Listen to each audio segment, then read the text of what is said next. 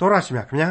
ယေရှုခရစ်တော်ကိုမိမိရဲ့ကယ်တင်ပိုင်ရှင်သခင်ဖရာအဖြစ်လက်ခံယုံကြည်ကိုးကွယ်သူခရိယန်တွေဟာယေရှုခရစ်တော်ကြောင့်ဘေးဒုက္ခတွေနဲ့ရင်ဆိုင်ရတေကြကြေကြပျက်စီးဆုံးရှုံးကြနဲ့ရှိနေကြတာတွေဟာဒီကနေ့ထိတိုင်အောင်ရှိနေသေးပါပဲဟိုးရှိကာလကလေးကရှိခဲ့ယုံမကခရိယန်တွေဟာအသက်ရှင်စဉ်အခါမှာသခင်ယေရှုခရစ်တော်ကြောင့်တေခြင်းရဲ့လက်ကိုအစဉ်အမြဲအနံ့ထားခြင်းခံကြရတဲ့သူတွေဖြစ်ကြတာကြောင့်ညှဉ်းပန်းနှိပ်စက်မှုတွေကိုသာမက တုတ်တင်တပ်ဖြတ်တာတွေကိုလည်းခံရဖို့အတွက်အသင့်ပြင်ဆင်ထားကြရမှာကခရိယန်တွေဖြစ်တဲ့အကြောင်းဒီကနေ့တင်ပြရသောတမန်ကျမ်းအစီအစဉ်မှာလေ့လာမှဖြစ်တဲ့ခရိယန်တမန်ကျမ်းဓမ္မသစ်ကျမ်းပိုင်းတွေကကောရိန္သုဩဝါဒစာဒုတိယဆောင်အခန်းကြီး၄အခန်းငယ်၈ကနေအခန်းကြီး9အခန်းငယ်3အထိမှာတွေ့ရမှာဖြစ်ပါတယ်ခရိယန်တွေဟာသိရင်လဲငရဲကိုမလားပဲနေဆာထာဝရတည်တဲ့အိရှိယာအရဖြစ်တဲ့ကောင်းငင်ဘုံကို ရောက်ရှိကြရမှာဖြစ်တယ်ဆိုတဲ့ ကောရိန္သုဩဝါဒစာဒုတိယဆောင်အခန်းကြီး၄အခန်းငယ်၈ကနေအခန်းကြီး9အခန်းငယ်3အထိကိုဒေါက်တာထွန်းမြတ်အေးကအခုလိုရှင်းလင်းဖော်ပြထားပါတယ်။ငါတို့သည်အမျိုးမျိုးသောနှောက်ယှက်ခြင်းကိုခံရတော်လေအကျိုးနည်းခြင်းသို့မရောက်မကြံစီနိုင်အောင်ရှိတော်လေစိတ်မပြေ။အခုကြားနာရတဲ့ကျမ်းကတော့ဒီကနေ့သင်ခန်းစာအတွက်စတင်ဖော်ပြရမယ်။ကောရိန္သုဩဝါဒစာဒုတိယစာဆောင်အခန်းကြီး၄ရဲ့ အငယ်၈ကဖော်ကျူးချက်ပဲဖြစ်ပါတယ်ခရစ်တော်ရဲ့နာမတော်အတွက်အလုလုံးနေတဲ့တမန်တော်ကြီးတို့နဲ့တကွာ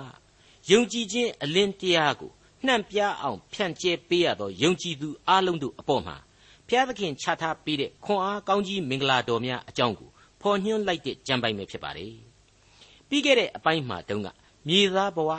အပြစ်လောကသားဆိုတဲ့မြေအိုးလို့နှိုင်းရှင်ထားတဲ့ကျွန်တော်ယုံကြည်သူလူသားတို့ရဲ့နှလုံးသားအတွင်းမှာ ဘန္နာတော်နဲ့တူတဲ့တကိုးတော်ဂုံအသရေဆိုတာကိုထည့်ပေးထားတယ်။ဒီတကိုးတော်ဘုံတော်ထင်ရှားစေဖို့မြေအိုးနဲ့တူတဲ့ဇာတိပဂရိပုံတရံကိုခွဲပစ်ပါမှတနည်းအားဖြင့်ဖယ်ရှားပစ်ပါမှဖြစ်လိမ့်မယ်ဆိုတာကိုကျွန်တော်ပြောခဲ့ပြီးပါပြီ။အခုအချိန်မှာတော့ငါတို့တွေဟာပတ်ဝန်းကျင်ရဲ့နှောက်ယှက်ခြင်းတွေဘလောက်ပဲရှိရှိအကျိုးနဲ့ပြီးဘဝပြက်ပြီးဆိုတာမျိုးဘယ်တော့မှမဖြစ်နိုင်ဘူး။ ကိုလန်းကိုကိုမသိတော့လောက်အောင်မကြံတတ်မစီတတ်လောက်အောင်ဖြစ်သည့်တိုင်အောင်လဲစိတ်မပြတ်ကြဘူးမိษွေအပေါင်းတို့ခမညာအမှုတော်ဆောင်လောက်ရသူတို့ဟာခရစ်တော်အတွက်လူသားကဘာရဲ့အစီကံကျွန်းခရစ်တော်အတွက်အလုတ်လောက်ရတဲ့လူမှုလို့စာရမဏတ်ကိုစစ်တိုက်ရတဲ့စစ်သားတို့ဘဝနေလေနှိုင်းရှင်နိုင်ပါလိမ့်မယ်ဒါကြောင့်ဆင်းရဲဒုက္ခအခက်အခဲများဆရာဟာခလုတ်ကသင်းများဆရာဟာအချိန်အခါအလျောက်တွေ့ကြုံရင်ဆိုင်ရမှာဘာမှမဆမ်းပါဘူးဒါဟာလောကရန်လေ ဒါပေမဲ့အခန်းကြီး၄အစမှာကလေးကစိတ်ပြည့်အားလျော့ခြင်းမရှိဘူးဆိုတာကိုပြက်ပြက်သားသားကြီးဖော်ပြထားခဲ့ပြီးသားဖြစ်ပါတယ်။ဒါကိုဝိညာဉ်ရေးသတ္တိလို့လည်းကျွန်တော်တို့ဖော်ဆိုနိုင်ပါလိမ့်မယ်။ကောရိန္သုဩဝါဒစာဒုတိယစာဆောင်အခန်းကြီး၄အငယ်9ညှင်းဆဲခြင်းကိုခံရတော်လဲဆုံးရှုံးခြင်းမရှိအောက်သို့လှဲခြင်းကိုခံရတော်လဲဆုံးရသူမရောက်။အဲ့ဒါဟာသူ့ဘဝလက်တွေ့သင်ခန်းစာတွေကိုသူပြောလိုက်တာပဲလို့ကျွန်တော်မှတ်ချက်ပေးခြင်းပါတယ်။ တမန်တော်ကြီးရှင်ဘောလူသူ့ဘဝအတွေ့အကြုံသင်ခန်းစာတွေကိုသူကိုယ်တိုင်ဖော်ပြတာပါ။ကျွန်တော်တို့ဟာတမန်တော်ဝတ္ထုတွေမှာကလေးကရှင်ပေါလုတို့ရှင်ပေတရုတို့အကြောင်းတွေကိုတွေ့ခဲ့ရပြီးပါပြီအဲ့ဒီပုဂ္ဂိုလ်ကြီးတွေက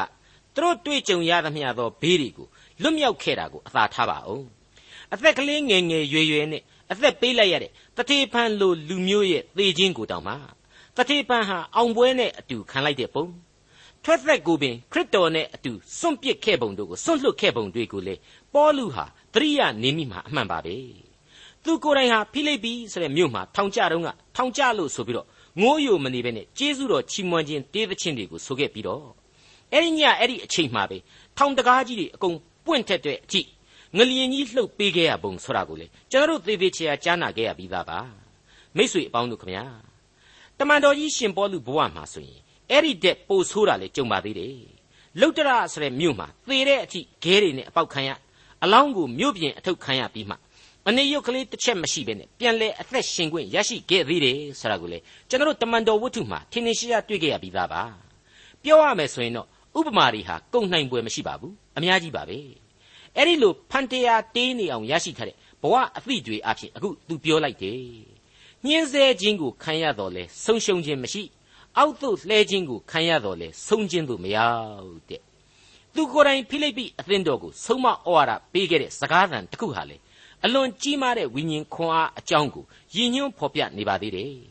ဖိလိပ္ပိဩဝါဒစာအခန်းကြီး1အငယ်7နှစ်နဲ့73မှာပါညီအကိုတို့ငါ၌ရောက်သောအမှုအရာတို့သည်ဧဝံဂေလိတရားကိုမမြစ်တားသည်သာမက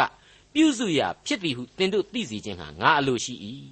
ထိုသောသောအားဖြင့် ခရစ်တော်ကြောင့်ငါခံရသောချီနှောင်ခြင်းအမှုအရာသည်နန်းတော်၌အနှံ့အပြားထင်ရှားသည်သာမကခတ်သိမ်းသောအရ၌ထင်ရှား၏ဆိုပြီးတော့ဒုက္ခအခက်အခဲတို့ကြားထဲကပဲအောင်မြင်ခြင်းရဲ့အကြောင်းကျေးဇူးတော်ကိုခံစားရခြင်းရဲ့အကြောင်းကိုထုတ်ဖော်တက်သိခံခဲ့ပါသေးတယ်မိษွေအပေါင်းတို့ခမညာဂျူးဣသရေလဆိုတဲ့ပေါလုလိုလူတစ်ယောက်ရဲ့စွန့်ဆောင်ချက်ဟာရှေးကာလယောမနိုင်ငံတော်ကြီးအတွင်းမှာယုံကြည်ခြင်းတိုက်မြစ်တစ်ခုကိုခရစ်တော်အားဖြင့်ချထားပေးနိုင်ခဲ့ပါတယ် အဲဒီလိုချထားပေးခဲ့တဲ့ခရစ်တော်၌တည်သောယုံကြည်ခြင်းတရားကယ်တင်ခြင်းတရားဟာယောမအင်ပါယာကြီးကိုသိမ့်သိမ့်တုန်လှုပ်သွားစေုံသာမကသေးပဲနဲ့နှောင်းကာလယောမဧကရေမင်းအပေါင်းတို့ကိုယ်တိုင်ဟာခရစ်တော်ကိုတိကျွန်းလက်ခံလာခဲ့ကြတယ်သာသနာကိုပြုစုပေးခဲ့ကြတယ်ဆိုတာဟာအံ့ဩဖွယ်သောအမှန်တရားပဲဖြစ်ပါတယ်ရှင်ပေါလုဟာဒီလိုကယ်တင်ခြင်းတရားကိုကဘာတလွှားကိုနှံ့ပြသွားရလိမ့်မယ်ဆိုတာကိုဝိညာဉ်အလင်းအဖြစ်သိရှိနေပါပြီနားလည်နေပါပြီ ဒါကြောင့်ဖိလိပ္ပိအသင်းတော်ကိုသူအခုဖော်ပြလိုက်တာကတော့နန်းတော်အနှံ့အပြားထင်ရှားသည်သာမကခတ်သိမ်းသောအရ၌ထင်ရှား၏တဲ့ဘလောက်အံ့ဩဖို့ကောင်းတယ်လေယူပါယုံနော်သူခံစားရတဲ့ယူပါယုံဟာကယ်တင်ရှင်သခင်ခရစ်တော်ရဲ့တန်ရှင်းသောဝိညာဉ်တော်အားဖြင့်အလွန်တရာကြီးမားအားကောင်းခဲ့ပါတယ်ကောရိန္သုဩဝါဒစာဒုတိယစာဆောင်အခန်းကြီး၄အငယ်30နဲ့17သခင်ယေရှုသည်အသက်ရှင်တော်မူကြောင်းကိုငါတို့ကိုယ်ခန္ဓာ၌ထင်ရှားစေခြင်းဟာ ယေရှု၏သေတော်မူခြင်းကိုအစင်မပြတ်ငါတို့၏ကိုယ်ခန္ဓာ၌ဆောင်ရကြ၏အဘယ်သို့နည်းဟုမူကားယေရှုသည်အသက်ရှင်တော်မူကြောင်းကိုငါတို့၏သေရသောကိုယ်ခန္ဓာ၌ထင်ရှားစေခြင်းဟာငါတို့သည်အသက်ရှင်စဉ်တွင်ယေရှုကြောင့်သေခြင်းလက်သို့အစဉ်အနှံ့ခြင်းကိုခံရကြ၏တမန်တော်ကြီးဟာသေခြင်းတရားကိုအရှင်ထီမထင်တဲ့အထိဝိညာဉ်ရေးသတ္တိနဲ့ပြေဝလို့နေပါပြီသူဟာကောရိန္သုဩဝါဒစာဒုတိယစာဆောင်အခန်းကြီး၄အငယ်31မှာဆိုရင် ငါသည်နေ့တိုင်းအသေးခံရ၏ဟုခရစ်တော်အကြောင်းကြောင့်ဝါကြွား၍ငါတိုင်တီဝွင့်၏လို့ဆိုခဲ့သူဖြစ်ပါတယ်ယောမဩဝါဒစာအခန်းကြီး၈အငယ်36မှာပြန်ကြည့်ရင်လေသူ့ရဲ့ရေးသားခဲ့တဲ့အချက်တစ်ခုဟာဒီသဘောကိုထပ်ပြီးဖော်ပြနေပါတယ်အကယ်စင်စစ်ကိုတော်အတွက်အကျွန်ုပ်တို့သည်အစင်မပြတ်အသေးသက်ခြင်းကိုခံရကြပါ၏သတ်ဖို့ရာထားသောသိုးကဲ့သို့အကျွန်ုပ်ကိုသူတစ်ပါးမှတ်တတ်ကြပါ၏ဟုကျမ်းစာလာသည်နှင့်အညီဆိုပြီးတော့သူဖော်ပြထားခဲ့ပါတယ်အဲ့ဒီလိုပါပဲ ကောရိန္သုဩဝါဒစာပထမစာဆောင်အခန်းကြီး၄အငယ်၉မှာတုန်းကတော့သတ်ဖို့ရာထားသောသူကဲ့သို့အခြားသောသူများနောက်မှတမန်တော်ဒီဟုသောငါတို့ကိုဘုရားသခင်ထုတ်ပြတော်မူ၏ဟုငါထင်၏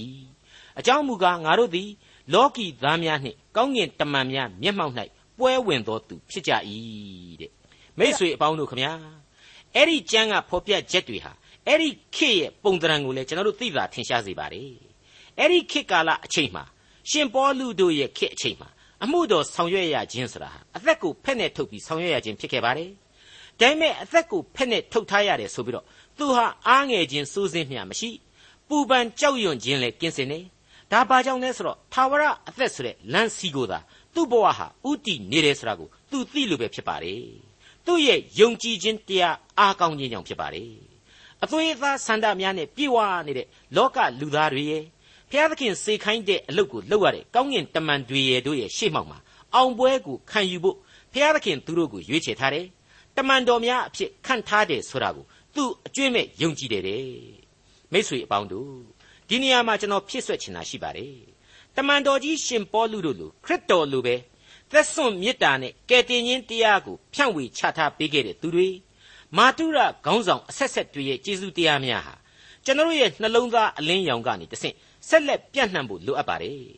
အဲ့ဒီလိုကျွန်တော်ရဲ့မျက်မှောက်ခေအခြေအနေနဲ့ရှေးခေအသင်းတော်တီစကအခြေအနေတွေဟာတော့တပုံတစံတီကြမနေတော့ပါဘူးပုံစံမတူနိုင်တော့ပါဘူးဒါကြောင့်မလို့ရှင်ပေါလုတို့ခေတ်ကာလကစွန့်စားရတဲ့အခြေအနေမျိုးအတိုင်းစွန့်ကိုစွန့်စားရမယ်ဆိုတဲ့တပုံစံတဲ့ကုယူလို့မရနိုင်ပါဘူးဒါပေမဲ့ဘာပဲပြောပြောကမ္ဘာပထဝီအနေအထားအရသက်စွန့်ကြိုးပမ်းအမှုထမ်းရတဲ့နေရာတွေ ဒုက္ခဘေးအန္တရာယ်များကိုအရင်အနှီးပြုတ်ပြီးမှအမှုတော်ဆောင်ရတဲ့နေရာတွေဟာအစိတ်အပိုင်းတော်တော်များများမှာတော့ကြံရစ်နေသေးတာကိုလည်းကျွန်တော်တို့အသိအမှတ်ပြုရမှာဖြစ်ပါတယ်ဒီလိုဆိုလိုက်တော့အခြေအနေတွေပြောင်းပြီခေပြောင်းပြီဆိုပြီးတော့တမန်တော်ကြီးတို့ရဲ့အခုလိုအသေးသက်ချင်းခံရသောတမန်တော်တို့ရဲ့အမှုတော်ဆောင်ရွက်ခြင်းဆိုတာဟာဝိညာဉ်ရေးသဘောတရားအရာဒီကနေ့ကပအစိတ်အပိုင်းအများစုမှာပြက်ပြဲသွားပြီလားမေးရင်တော့ခေါင်းခါပြရမှာပါပဲခရိယန်ယုံကြည်သူအစ်စ်မှန်ဆိုတာဟာ စာရမဏေရဲ့ချောင်းမြောင်းတိုက်ခိုက်ခြင်းလောကီအသွေးအသားအစွဲအလန်းနဲ့အပြစ်တရားရဲ့သွေးဆောင်ခြင်းကိုအစဉ်တစိုက်ရင်ဆိုင်ရစမြဲဖြစ်ပါတယ်အတိတ်ကာလကရင်ဆိုင်ရတယ်လို့ဒီကနေ့ရင်ဆိုင်ရစမြဲဖြစ်ပါတယ်ဒီကနေ့အနောက်နိုင်ငံစာနယ်ဇင်းကြီးတွေတချို့မှာသာသနာခေါင်းဆောင်ကြီးတွေကိုယ်တိုင်ဟာအဲ့ဒီလိုခရစ်တော်အတွက်ခန္ဓာကိုယ်ကိုမဆက်ကပ်နိုင်ဇာတိပဂရိအလိုဆန္ဒတို့ကိုမချိုးနိုင်ကြလို့ဆိုပြီးတော့သိခါကြเสียအမှုအခင်းကြီးတွေဖြစ်ရတာ ရှက်ခမန်းလိလိပြဿနာတွေတည်ရတာခရစ်တော်ရဲ့နာမတော်ကိုထိခိုက်ရတာတွေကိုကျွန်တော်တို့တွေ့ရပါတယ်မိษွေတို့ဟာဘုရားသခင်ဘုန်းတော်ကိုအမှန်တကယ်ထင်ရှားစေခြင်းပြီးဆိုရင်တော့မြေအိုးနဲ့တူတဲ့ကိုယ့်ရဲ့ဇာတိဘဝကိုစူးစမ်းပြီးညှင်းပယ်ရလိမ့်မယ်ဘုန်းတော်အသရေဆိုတဲ့ဝိညာဉ်အလင်းကိုနှလုံးသားအတွင်းမှဖော်ထုတ်ကြရမှာသာဖြစ်ပါလေကြောက်စရာမလိုပါဘူးနောက်တွန့်စရာအကြောင်းလည်းမရှိပါဘူးကိုရယူခံစားရမယ့်ကယ်တင်ခြင်းတရားအတွက်ဘာပေးဆက်ခြင်းမှမရှိ စာရမဏတ်ကိုအစဉ်တစိုက်အလျှော့ပေးပေါင်းသင့်မနေတိုက်ဘူးဆိုတဲ့အနှစ်သာရကိုခံယူလိုက်မယ်ဆိုရင်ကဲတင်ခြင်းတရားနဲ့ဝိညာဉ်အလင်းကိုဖော်ထုတ်ဝန်းကြရမှာမလွဲဧကန်အမှန်ပဲဖြစ်ပါတယ်ဒါဟာဘုရားသခင်ပြုစီလိုသောအလိုတော်အမှုတော်ဖြစ်ပါတယ်ကောရိန္သုဩဝါဒစာဒုတိယစာဆောင်အခန်းကြီး၄အငယ်၁၂မှ၁၄တို့ဖြစ်၍သေခြင်းတရားသည်ငါတို့၌ပြုပြင်တတ်၏သင်တို့၌ကအသက်ရှင်ခြင်းတရားသည်ပြုပြင်တတ်၏ ထိုသို့သောယုံကြည်ခြင်းစိတ်ရှိသည်ဖြစ်၍ငါသည်ယုံကြည်သောကြောင့်မွဲ့ဆို၏ဟုကျမ်းစာလာသည်နှင့်အညီငါတို့သည်ယုံကြည်ခြင်းစိတ်ရှိသောကြောင့်မွဲ့ဆိုဟောပြောကြ၏သခင်ယေရှုကိုထမြောက်စေတော်မူသောသူသည်ယေရှုအားဖြင့်ငါတို့ကိုလည်းထမြောက်စေ၍သင်တို့နှင့်အတူအထံတော်၌သွင်းတော်မူမည်ဟုငါတို့သိကြ၏ဒီအပိုင်းကလေးဟာအမျိုးမျိုးအတိတ်ပဲဆွဲယူပြီးတော့အမျိုးမျိုးဘာသာပြန်ခံရတတ်တဲ့အပိုင်းကလေးပဲဖြစ်ပါတယ် လူအုံနောက်နဲ့အမျိုးစုံလွှာတွေးပြီးတော့ကြိုက်တယ်လို့ဆွဲယူဘာသာပြန်ခံရတဲ့အပိုင်းကလေးဖြစ်ပါတယ်အမှန်တော့တမန်တော်ဆိုတဲ့အမှုတော်ဆောင်တို့ရဲ့ဘဝကိုသာသူဟာအဓိကထားပြီးဖော်ပြခြင်းဖြစ်ပါတယ်မင်းတို့တဲ့ငါတို့ကပို့ပြီးမြတ်တယ်ဒါကြောင့်ငါတို့ဟာသေခြင်းတရားကိုအောင်မြင်မယ်ဆိုပြီးပြောတာအရှင်းမဟုတ်ပါဘူးလူလောကမှာတမန်တော်ဖြစ်စေအမှုတော်ဆောင်သူဖြစ်စေသာမန်လူဘသူပဲဖြစ်စေရှင်သန်ရာဘဝများအတွင်းမှာပြုပြင်ခြင်းဆိုတာဟာအတူတူပဲရှိစမြဲဖြစ်ပါတယ်ဒါပေမဲ့ တမန်တော်အဖြစ်အမှုတော်ကိုဆောင်ရသူတို့အဖို့မှာတော့ယုံကြည်ခြင်းအရာမှာပုံမအားကောင်းရတယ်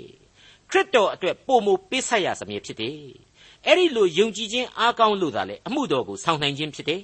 အမှုတော်ဆောင်ရတာဟာကျွန်တော်စောစောတုန်းကပြောတယ်လို့ခေတ်ကာလနဲ့နေရာဌာနန္တရအလျောက်သေခြင်းတရားနဲ့အလွန်နီးစပ်တယ်ပြီးတော့ကိုယ်ဇာတိပဂရိကိုကိုဟာအများကြီးစွန့်လွတ်ရတယ်ကိစ္စမရှိပါဘူးဇာတိအသက်ခန္ဓာကြွေသွားရင်လေ ယေရှုခရစ်အားဖြင့်ရှင်သန်ရမှာအသေးအချာဖြစ်တယ်လို့ဇာတိပဂရိအစွဲအလန်းဒီပြက်ပြုံးသွားတော့လေဝိညာဉ်အသက်တာကိုဆက်လက်ရှင်သန်ခံစားရမှာဖြစ်တယ်ဆိုတာကိုရှင်ပေါလုအတိတ်ပဲကောက်ယူစေခြင်းပါတယ်ကောရိန္သုဩဝါဒစာဒုတိယစာဆောင်အခန်းကြီး၄အငယ်15နဲ့16အများသောသူတို့သည်ကျေးဇူးတော်ကိုချီးမွမ်းသည်နှင့်ထိုကြွယ်ဝသောကျေးဇူးတော်သည်ဘုရားသခင်၏ဘုန်းအသရေတော်ကိုထင်ရှားစေမည်အကြောင်းခတ်သိမ်းသောအရာတို့သည်သင်တို့အဖို့အလို့ငှာဖြစ်သည် ထို့ကြောင့်ငါတို့သည်အားလျော့စိတ်ပြည့်ခြင်းနှင့်ကင်းလွတ်ကြ၏ငါတို့၏ပြင်ပလူသည်ဖောက်ပြန်ပျက်စီးခြင်းသို့ရောက်တော်လေအတွင်းလူမူကားတနေ့တည်းတနေ့ပြုပြင်ခြင်းကိုခံရ၏အလွန်တရာကောင်းမွန်တဲ့ဝိညာဉ်ရေးအနှစ်သာရကိုရှင်းရှင်းကြီးပြန်လည်ခံစားစေရတဲ့အပိုင်မဲ့လို့ကျွန်တော်ဆိုချင်ပါတယ်ခတ်သိမ်းသောအရာတို့သည်သင်တို့အဖို့အလို့ငါဖြစ်သည်ဆိုတဲ့အချက်တစ်ချက်သေးနဲ့ကိုကျွန်တော်ယင်ထဲမှာစိတ်ငနေဖြစ်သွားခဲ့တယ်လို့ကျွန်တော်ခံစားမိပါတယ်ဟုတ်ပါတယ် ယုံကြည်ခြင်းတတ္တိဝိညာဉ်ရေးတတ္တိဘယ်လိုပဲခေါ်ခေါ်ခေါ်နိုင်တဲ့ဘဝရဲ့တတ္တိဟာအဲ့ဒါပါပဲခရစ်တော်ကိုမှီတွယ်မိပြီသူ့ဂရိတော်များအပေါ်မှာအကျွင့်မဲ့ပုံအပ်ယုံကြည်ခဲ့ပြီသူ့အားဖြင့်ခွန်အားကိုစုပ်ကင်နိုင်ပြီသူ့အတွက်ဘုန်းတော်ကိုထင်ရှားစေတဲ့အသက်တာကိုရယူနိုင်ပြီဆိုရင်သေခြင်းရှင်ခြင်းဆင်းရဲခြင်းချမ်းသာခြင်းအထီးကျန်ဖြစ်ရခြင်းချစ်သူနှင့်ကြွေကွင်းရခြင်းနာကြီးရခြင်း ပင်ပန်းရခြင်းအလုံးစုံတို့ဟာသင်တို့အတွက်ဖြစ်တယ်တဲ့သင်တို့မှာဘဝတစ်လျှောက်လုံးကြုံရသမျှသောအခက်အခဲတွေဒုက္ခတွေနာကျင်မှုတွေဆုံးရှုံးမှုတွေကိုတွေ့တိုင်းဝိညာဉ်ခွန်အားတွေဟာဖြစ်ပွားလာရလိမ့်မယ်ကျေးဇူးတော်ကိုပို့ပြီးတော့ချီးမွမ်းထောမနာပြုเสียအကြောင်းအဖြစ်သင်တို့နားလေလာရမယ်အဲ့ဒီလိုကျေးဇူးတော်ချီးမွမ်းခြင်းများဟာလေဘုရားသခင်ရဲ့ဘုန်းတော်ကိုထပ်မံထင်ရှားစေလိမ့်အောင်မယ်တဲ့အစဉ်စဉ်တိုးတက်ခံစားရသောကျေးဇူးတော်များလို့ ကျွန်တော်ဒီနေရာမှာပွင့်ပွင့်လင်းလင်းပြောချင်ပါတယ်အဲ့ဒီအစဉ်စဉ်သောကျေးဇူးတော်ကြောင့်ဘုရားသခင်ဘုန်းတော်ထင်ရှားတာတယ်မဟုတ်သေးပါဘူးရှင်ပေါလုဆက်လက်တင်ပြလိုက်တာကတော့ငါတို့ဤပြင်ပလူသည်ဖောက်ပြန်ပျက်စီးခြင်းသို့ရောက်တော်လေအတွင်းလူမူကတနေ့တည်းတနေ့ပြုပြင်ခြင်းကိုခံရ၏ဆိုတဲ့အကြောင်းပါပဲမရှင်းဘူးလားရုပ်ခန္ဓာသာဖြစ်တဲ့အပြင်လူဆိုတာကြီးကတော့တနေ့တည်းတနေ့ယိုယွင်းလာရစမြဲဖြစ်တယ်ဖောက်ပြန်ပျက်စီးလာရမည်ဖြစ်တယ် ဒါဟာသင်္ခါရသဘောတရားမျှဖြစ်ပါတယ်အတွင်းလူဆိုတဲ့မမြင်ရတဲ့ဝိညာဉ်ခန္ဓာကတော့ပုံမိုပြီးတော့ခွန်အားကောင်းမွန်လာတယ်အရှိန်တကိုကြီးမားလာတယ်မြင့်မြတ်လာတယ်ဟုတ်ပါတယ်ကျွန်တော်အထက်ကဖော်ပြခဲ့တဲ့အတိုင်းပဲသင်္ခါရသဘောနဲ့ပြင်ပလူသားကိုအစဉ်သာဝရတရားဟာအတွင်းလူသားအဖြစ်နဲ့ချုပ်ကင်ထားပေးထားပါတယ်အဲ့ဒါဟာထာဝရဘုရားကိုပိုင်ဆိုင်သူထာဝရဘုရားရဲ့လူတို့ရဲ့ကျေးဇူးတော်ကိုခံစားရခြင်းပါပဲ ကျွန်တော်ကကွယ်လွန်သွားရှာပြီးဖြစ်တဲ့ဓမ္မဆရာကြီးတယောက်အကြောင်းကိုတွားပြီးစဉ်းစားမိပါတယ်သူဟာဘုရားသခင်ကိုမယုံကြည်မသိမကျွမ်းတဲ့အခြေခံကနေပြီးတော့ပေါက်ဖွားကြီးပြင်းလာခဲ့ရသူဖြစ်ပြီးတော့လူပြိုကြီးဖားဖားရောက်မှယုံကြည်ခြင်းပြောင်းလဲခဲ့ပါတယ်ပြီးတဲ့နောက်မှာတော့အမှုတော်ကိုအသက်60အရွယ်အထိဆောင်ရွက်ခဲ့ပြီးမှဘုန်းတော်ဝင်စားသွားခဲ့ပါတယ်ဘုရားသခင်အမှုတော်ကိုမဆောင်ရရင်မဖြစ်ဘူးပြုတ်ခဲ့ဘူးတဲ့တစ္ဆာတရားအတိုင်းသေမပဲအမှုတော်ဆောင်လုပ်ငန်းကိုရပ်တန့်မယ်ဆိုပြီးတော့တောရွာကလေးတရွာမှာ သူကိုယ်တိုင်တီထောင်တဲ့အသင်းတော်ဝင်းကလေးထဲမှာပဲနေပြီးတော့အမှုတော်ဆောင်သွားခဲ့ပါတယ်သူ့ရဲ့သားသမီးတွေဟာသူ့ကိုကောင်းကောင်းကြွေးနိုင်လောက်အောင်ပိုက်ဆံရှိကြပါတယ်သူ့နောက်ကိုလိုက်မနေနိုင်လို့အဖေကြီးရဲ့မြို့မှာပဲကျွန်တော်တို့နဲ့လာနေပါခမညာဆိုတာဘယ်သူခေါ်လို့မှမရဘူးနောက်ဆုံးသေသွားတဲ့အချိန်အထိအမှုတော်ဆောင်လုပ်ငန်းကိုသူကြရအရက်ဘုရားသခင်ထားရအရက်ကိုမစွန့်မဲနဲ့သူအဲ့ဒီမှာပဲအသေးခံသွားခဲ့တယ်ကျွန်တော်သူ့ကိုမေးဘူးပါတယ်ဖိုးဖိုးကြီးတောရွာမှာမီးမရှိဘာမရှိ ဒီအိမ်ကလေးထဲမှာနေနေရတာမကြောက်ဘူးလားဆိုတော့သူတယောက်တည်းမဟုတ်ဘူးတဲ့ဘုရားသခင်ရှိတယ်တဲ့ဟုတ်တယ်အပြင်လူကသာသေကန်ကြီးဖြစ်လာတယ်အတွင်းလူကသူ့ကိုအမြဲဥဆောင်ပေးနေတယ်ဆိုတာကိုကျွန်တော်အောက်မေ့မိပါတယ်သူဟာတခါတလေဆူတောင်းတဲ့အခန်းကလေးထဲမှာတိုးတိုးကလေးဘုရားသခင်ကိုရှာဖွေပြီးတော့စကားပြောလို့ပြောလို့ပြောထားရှိတယ်ဘုရားသခင်ဗျာဒိတ်ကိုသူ့အုံနောက်ဟာရယူနိုင်စွန်းရှိနေတယ်ဆိုတာထင်ရှားနေတယ်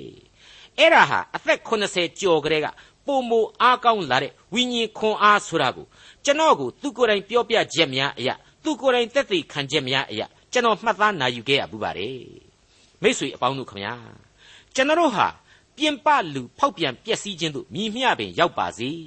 အတွင်းလူမူကားတနေ့တည်းတနေ့ပြုပြင်ခြင်းကိုခံရပြီးတော့ဖျားသခင်အတွက်ပုံမရှင်သန်နိုင်တော်သူများဖြစ်ဖို့အထူးပဲအရေးကြီးလာပါတယ်ကောရိန္သုဩဝါဒစာဒုတိယစာဆောင်အခန်းကြီး၄အငယ်16နဲ့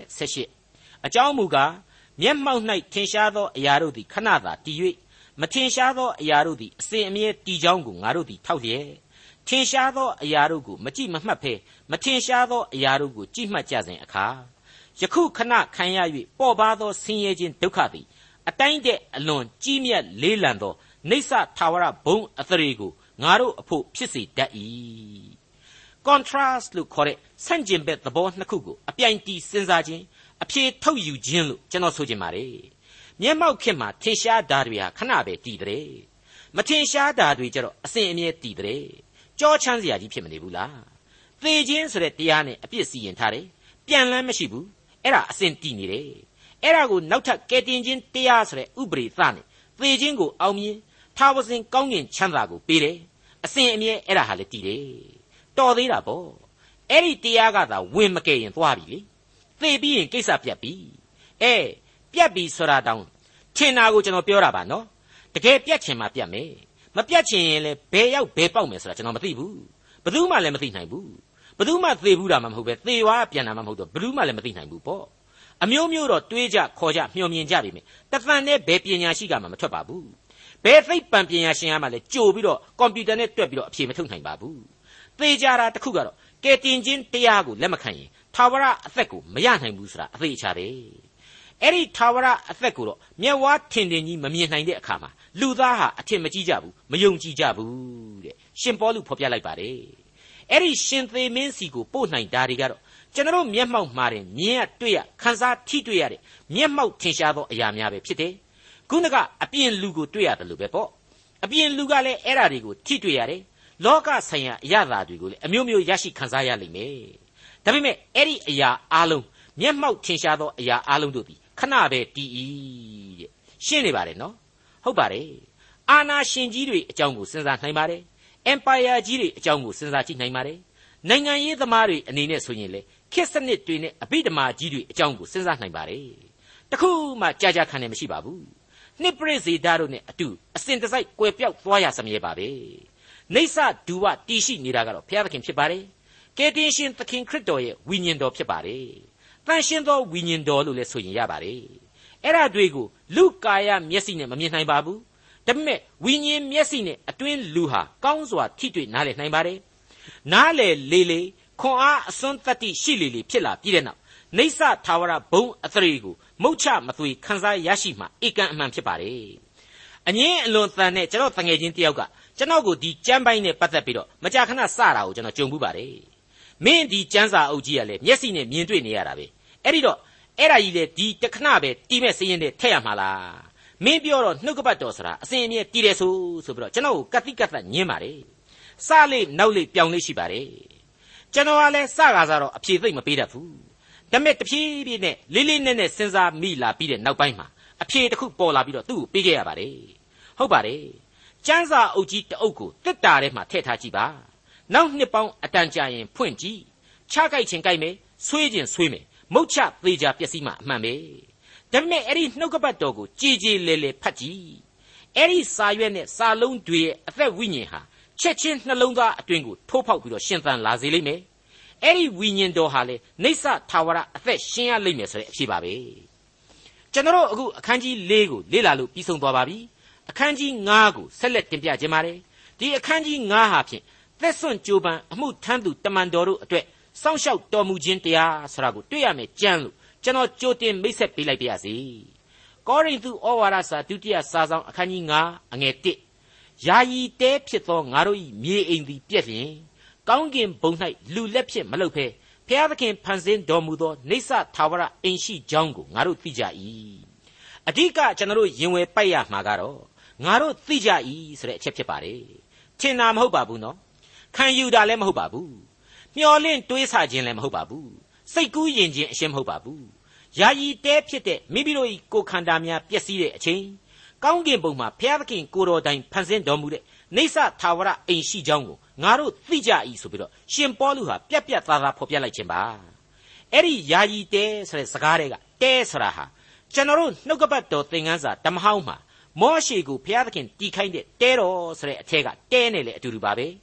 ဒီကနေ့အသင်းတော်ကြီးတွေနဲ့စရင်အလွန်တရာသေးငယ်တဲ့နှုံချာချာအဆောက်အုံတစ်ခုသာဖြစ်ပါလိမ့်မယ်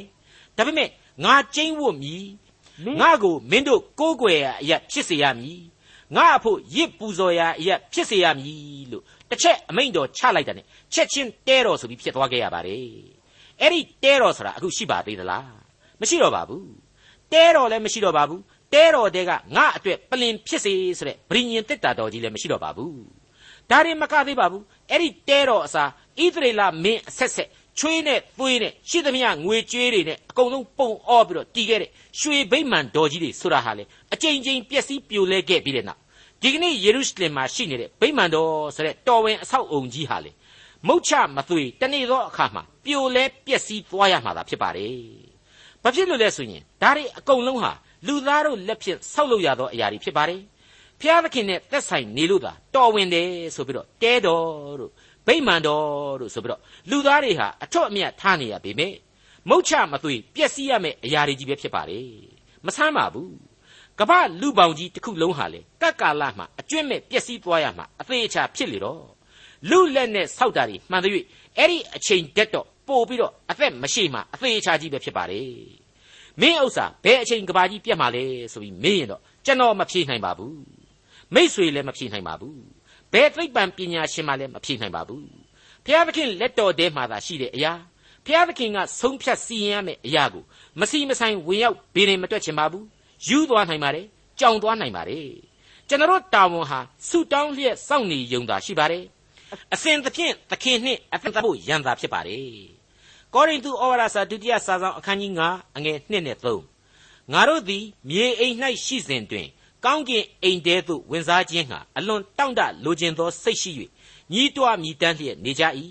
ထိုသို့ဝင်စားလျင်နေရမဲ့ဖြစ်မည်မဟုတ်မြေအိမ်သို့မဟုတ်ယာယီတဲမှနေရစဉ်အချိန်ရုပ်ခန္ဓာကြီးဟာအလိုလိုယိုယွင်းလာတယ်ချိနဲ့အားပြော့လာရတယ်အဲ့ဒီသင်္ခါရဓမ္မအကြောင်းတွေကိုစဉ်းစားလိုက်တော့ရှောလမုန်မင်းကြီးဆက်ဆိုခဲ့တဲ့ဒေသနာကျမ်းအခန်းကြီး7ရဲ့အစပိုင်းကိုကျွန်တော်စဉ်းစားမိပါတယ်ငါနေ၍မပြောနိုင်ဟုဆိုရသောကာလသည်မနီ သို့သောကာလမရောက်မီယခုအသက်ပြိုစဉ်အခါပင်တင့်ကိုဖန်ဆင်းတော်မူသောအရှင်ကိုအောက်မေ့လော့နေနှင့်အလင်းလနှင့်ကျဲတို့သည်ကွယ်၍မိုးရွာပြီးမှအထက်ထက်ရွာရသောကာလမရောက်မီအောက်မေ့လော့ထိုကာလ၌အိမ်ဆောင်တို့သည်တုန်လှုပ်၍ခိုင်ခံ့သောသူတို့သည်အားလျော့ကြလိမ့်မည်ဆန်ကျိတ်သောသူတို့သည်နဲသောကြောင့်ရပ်ကြလိမ့်မည်ပရင်းပေါက်ဖြင့်ကြည်သောသူတို့သည်အလင်းကွယ်ကြလိမ့်မည်ကြိတ်တန်လျော့သောအခါလမ်းနားမှတကရွက်တို့သည်စိတ်လျက်ရှိလိမ့်မည်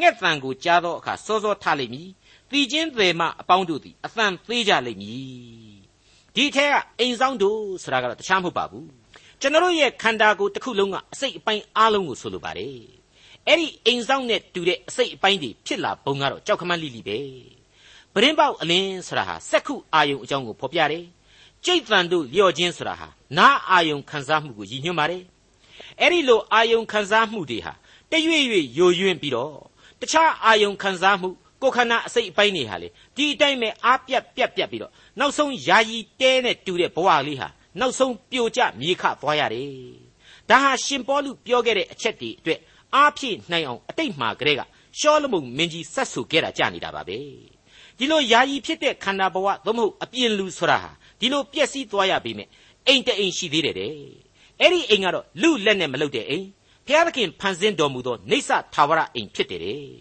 အဲ့ဒါကိုငါအခိုင်အမာသိတယ်တဲ့ဟုတ်ပါတယ်